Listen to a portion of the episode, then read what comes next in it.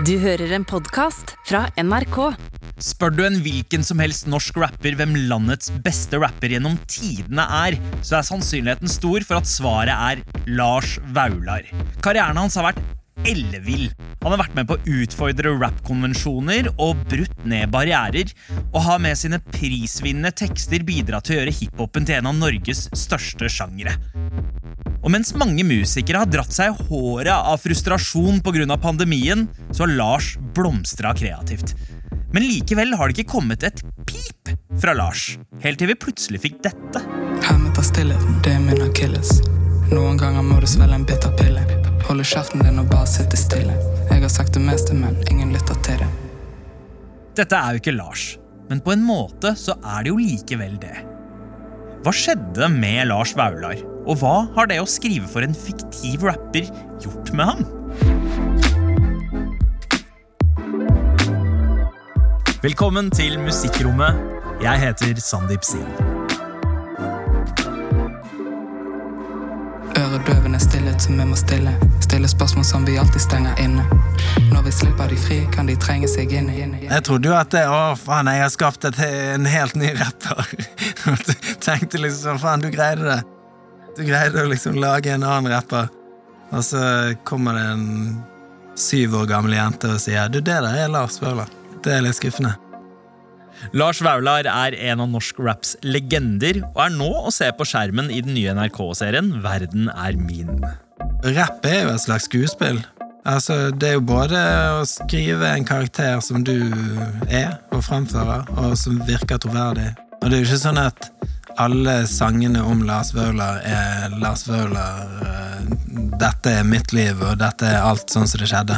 Eh, alt er jo for så vidt sant, men alt er jo ikke fakta.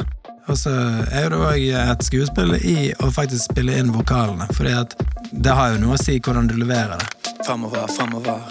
Aldri mer innover, innover. Hold den biten minimal, minimal. Bånn gass framover, aldri mer innover.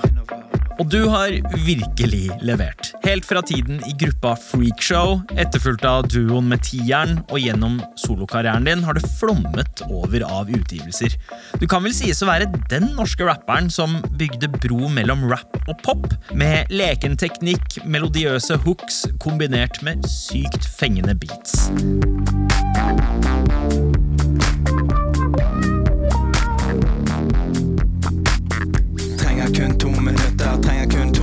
To for støtte. Trenger kun to ører til å lytte. Sikter på å starte noe rykter. Stikker kniven inn og bare skjøgger. Kutter muskelen fra en østers. Flipper luksusvarer til din søster. Henger med to damer som tørster. Etter noe afrodisiak, easy-peasy, bare putter munnen til skjell. De siste tre årene har det vært stille fra din kant. Det har vært eh, få nye låter, men i studio har kreativiteten din bobla. Du skriver jo som aldri før.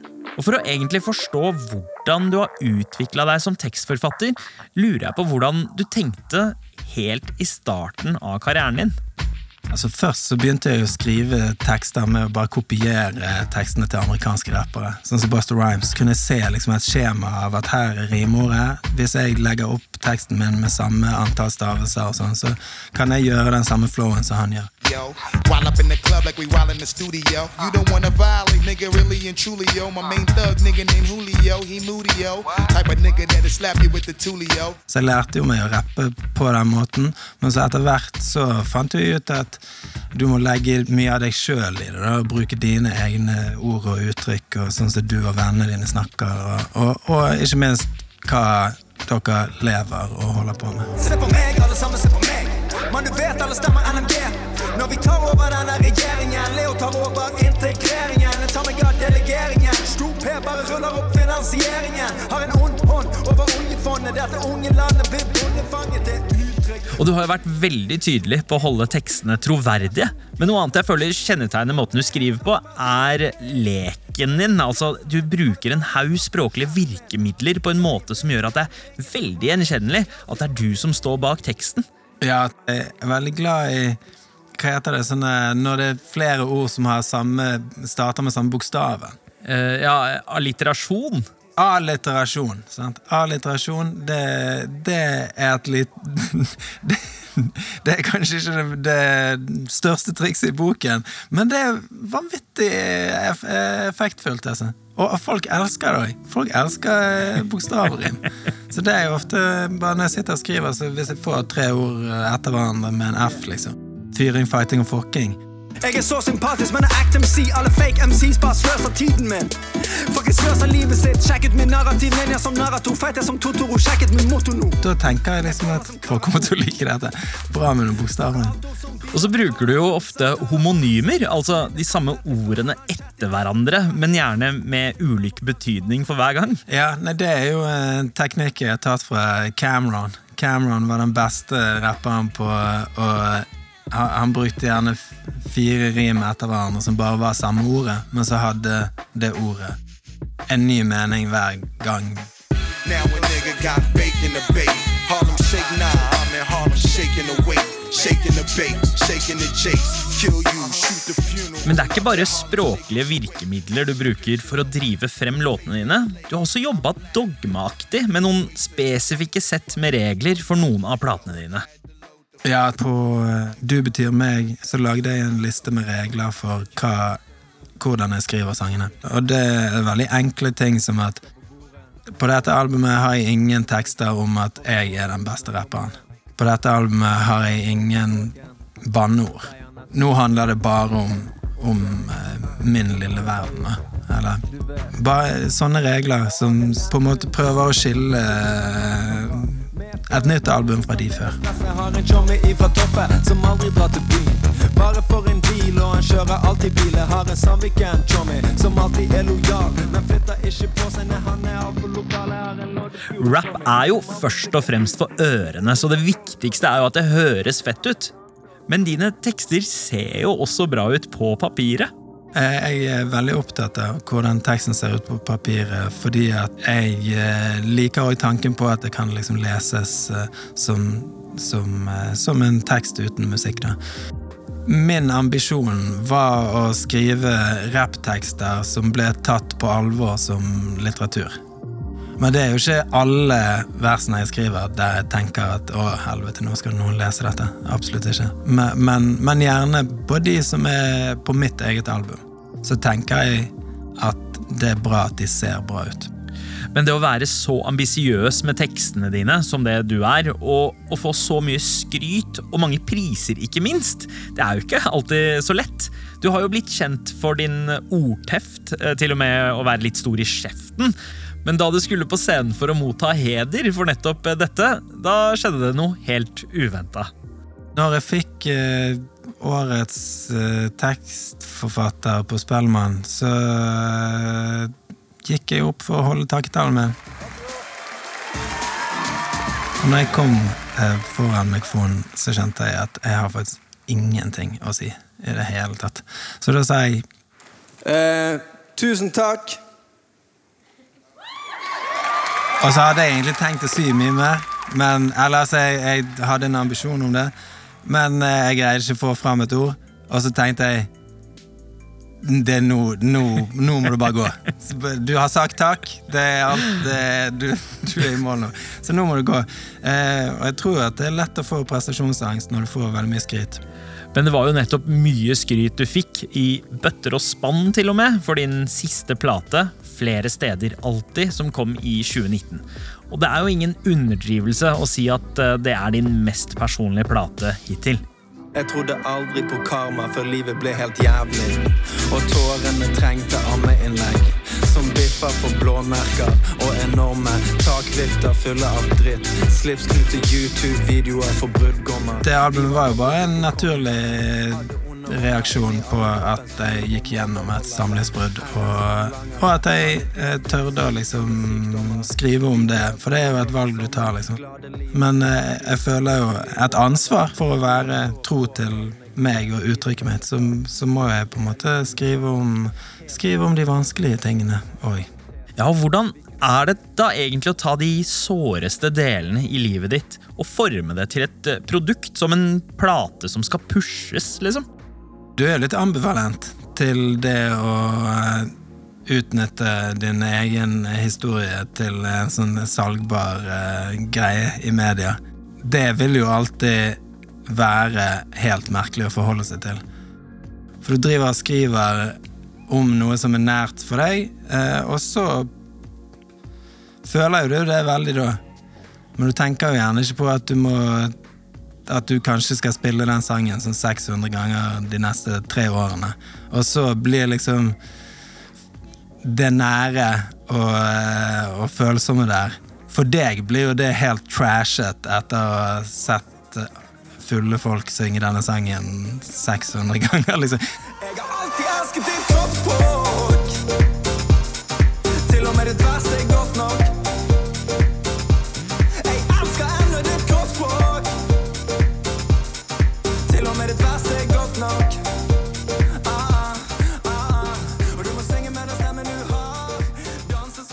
Det blir jo noe helt merkelig, og så, og så blir du liksom helt eh, avkoblet, frakoblet fra hele din egen opplevelse. Ja, Du mister jo på mange måter kontrollen over ditt eget verk når det slippes ut til folk. Det må jo være helt absurd å oppleve.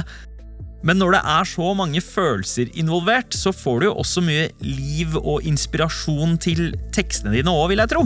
Og du hadde jo mye mer materiale enn den ene platen da, egentlig. Eh, Ja, jeg lagde jo Jeg lagde flere steder alltid, og så hadde jeg ti-tolv låter som ikke kom med der, som jeg tenkte å gjøre til et album som skulle bare komme et par måneder etterpå. da. Men så tiden går fort, da. Så når det hadde gått to-tre måneder etter at flere steder alltid kom ut, og jeg ennå ikke hadde fått gjort ferdig låtene, så følte jeg på en måte at toget var litt godt for å følge opp. For da får du prestasjonsangst. Men det virker jo ikke som at det skremmer deg vekk fra banen. For eh, det jeg har skjønt etter å ha fulgt med på deg en stund, Lars, er at du er god på å søke deg mot nye måter å uttrykke deg på, det å teste ut nye ting. Noe av grunnen til at jeg utforsker nye uttrykk og prøver å fornye meg hele tiden, er jo at jeg i bunn og grunn forteller samme historien hver jævla gang på hver plate. For du har, eller liksom egentlig så er det det samme vi snakker om hele tiden, men vi pakker det inn på, på forskjellige måter. Og, og formatene du, du bruker, gir deg muligheter til å fortelle det samme med en annen vinkling. Og et av de nye formatene du har testa ut de siste årene, er film og TV. I 2016 kunne vi se deg i din egen obskure lille nettserie En ekte mann. Og i fjor dukket du ikke bare opp i TV-serien Jordbrukerne som passpoliti av alle ting, men du var også med som deg selv i den prisbelønte filmen Gritt. Og nå i år kan vi binge hele seks episoder av NRK-serien Verden er min av Ami Black and Die. Ikke den som brekker eller bøyer. Jeg er en krigersjel. Jeg ser verden gjennom mine øyne. Hva sier de om meg? Hvis du tar livsløgnen ifra en løgner, kan du sitte hjemme ærlig I Verden er min møter vi rapperen Odil, spilt av Ami. Odil bor i Bergen, jobber på bibliotek ved siden av å jobbe med rappinga si, men sliter med å både tørre å gi ut musikken sin og fortelle faren at hun er lesbisk. Altså, Du ser ut som en skilpadde. Inni skallet. Kommer ikke ut. Så jævlig frekk. Damene som skal få de beste beatsene, ikke Markus. Hvis du skal gi ut sangen, så kan vi kanskje snakke om det. Men du gir jo aldri ut musikken din. Og du, Lars, er jo skuespiller i serien og bekler rollen som Stian, hennes produsent og beste venn. I alle relasjoner så er det en som dør før den andre. En av oss kommer til å dø først. Jeg håper jeg dør først. Ja, det håper jeg òg. Altså, nei, ikke sånn, da. Men jeg tror kanskje jeg takler, takler det litt bedre. Jeg tror du takler det meste bedre enn meg. Men du spiller ikke bare en viktig rolle, du har også skrevet alle tekstene hovedpersonen Odile rapper. Hvordan var det? Det var veldig gøy å skrive, skrive disse sangene sammen med Ami. Eh, for det er jo riktignok jeg som har skrevet tekstene, men jeg er veldig mye et redskap i Ami sine hender i den eh, låtskrivingsprosessen. Helt ifra ung alder har jeg vært en gambler. Tredje klasse med pågå slammet. To spillere med hver sin stabel. Mye skravel. Jeg tenkte ja vel. Stabelen gikk helt opp til navlen. Stabelen høyere enn tårnet i Babel. Men yin-yang jernslemmet slappet alle. Jeg flippet det opp, eller lot alle falle. Kom med pogsene. Uh, og så har òg tidspresset med å liksom lage ferdig de her tingene for, for verdenen min, det har jo òg gjort at jeg ikke kan tvile på meg sjøl. Så jeg bare skriver det, og så er det ferdig, og så that's it, liksom. Drømmer, drømmer. Alle drømmene vi glemmer. Vi husker minner, men glemmer så mange drømmer. Ja, for du har jo jobbet med denne serien mer eller mindre i tre år. Eh, Hvordan har denne prosessen med å sette seg inn i karakteren og stoffet vært? De to første årene består jo i å bli kjent med Ami, og bli kjent med hva hun vil med serien, hva hun vil for karakteren Odile. Jeg er veldig mye hva Ami som person egentlig er opptatt av, sånn at jeg, jeg jeg må jo på en måte ta hennes eh, erfaringer og ønsker og ambisjoner og sorger og pakke det inn i mine ord, da. Men, men eh, heldigvis så stjeler jeg òg liksom hennes ord, eller Amme sine ord. Jeg vet da faen hva du har blitt fortalt, en av de der fake woke bitches. En av de der fake woke bitches. Toxic kjerring mener ditt og datt. Ja, men Du har jo skrevet vers for andre artister før. Eh, Men på hvilken måte var det annerledes å skrive rappteksten til karakteren Odile? Jeg tror forskjellen er at jeg kjenner rett og slett ikke artistene, eller, eller eh, Jeg kjenner ikke de godt nok til å, å med selvsikkerhet gå inn i skoene eh, til vedkommende og leve meg inn i at eh, jeg kan eh, skrive noe bra. Men med Odile så, så har jeg kjempeselvtillit på at jeg greier å formidle dette. Åpner meg opp og lukker deg igjen. Jeg tegner på et stoppskilt. Ingen adgang, det er stengt. Hjertet mitt er vrengt, men håpet mitt er tent. Holder døren åpen, men jeg lukker deg igjen. Hjelper det kanskje også at Odil ikke er en ekte person? Det er jo mye enklere å skrive for en fiktiv karakter på TV enn for en artist. Jeg vil jo ikke gi de den oppgaven av at dette må du gjenfortelle 100 ganger. Men eh, hvis vi lager en TV-serie, og dette, så er det stopp og slutt, liksom. Jeg føler mer liksom, hvis jeg skriver singelen min, så må du ha den Jeg vil ikke at du skal ha den i faen syv år av livet ditt, liksom. Herregud, for et ansvar å bære med seg. Men eh, hva har det gitt deg å være med på å skrive for en helt annen enn deg selv? Noe av min eh, opplevelse og reise eh, med, i denne ska, skapingsprosessen her, er jo det at jeg har akseptert noen av mine kvaliteter, og akseptert at de har verdi for andre folk. Så du har jo nådd et helt nytt nivå, da, der du har kommet eh, til full enighet med deg selv om å stole på talentet ditt. Og med den trua på deg selv, så kan du jo hjelpe andre. Ja, jeg tror at eh, jeg har lært mye om eh, meg sjøl, og har lært mye av å se Se meg sjøl jobbe utenfor meg sjøl, på en måte. Det har vært bare deilig å skrive for eh, noen andre, og, og egentlig litt finne den glede Jeg tror det handler litt om å finne en glede i det du, i det du holder på med, da. I de små tingene. Klump i magen med forvirret blikk på bildet. Fotoapparatet ikke klar, blikket flakket kjapt slik at det så fortapt ut. Stakk ut som en nål på en kaktus.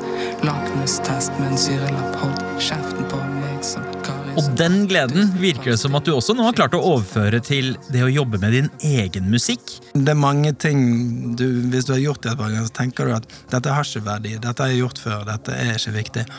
Men, men, eh, men jeg fikk veldig mye ut av å skrive uten å tenke på at jeg skal framføre det sjøl, og uten å tenke på at, uh, hvordan eh, dette her ser ut i min katalog. Eller eh, hva enn dårlige grunner jeg har til å ikke fullføre eh, en, en idé eller et vers, liksom. De, de har jeg kastet vekk, fordi at jeg trenger jo ikke Jeg trenger jo ikke liksom stå for dette i all evighet, liksom. Dette her er for noen andre.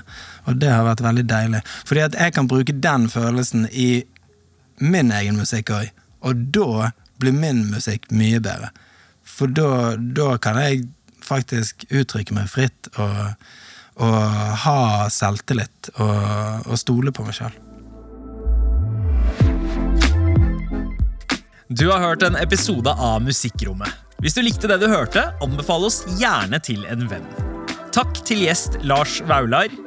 Denne episoden er laget av Amund Grepperud, Jean Kristin Sena, Nils Vingrei og meg, Sandeep Singh. Redaksjonssjef er Ingrid Nordstrand. Du har hørt en podkast fra NRK. De nyeste episodene og alle radiokanalene hører du i appen NRK Radio.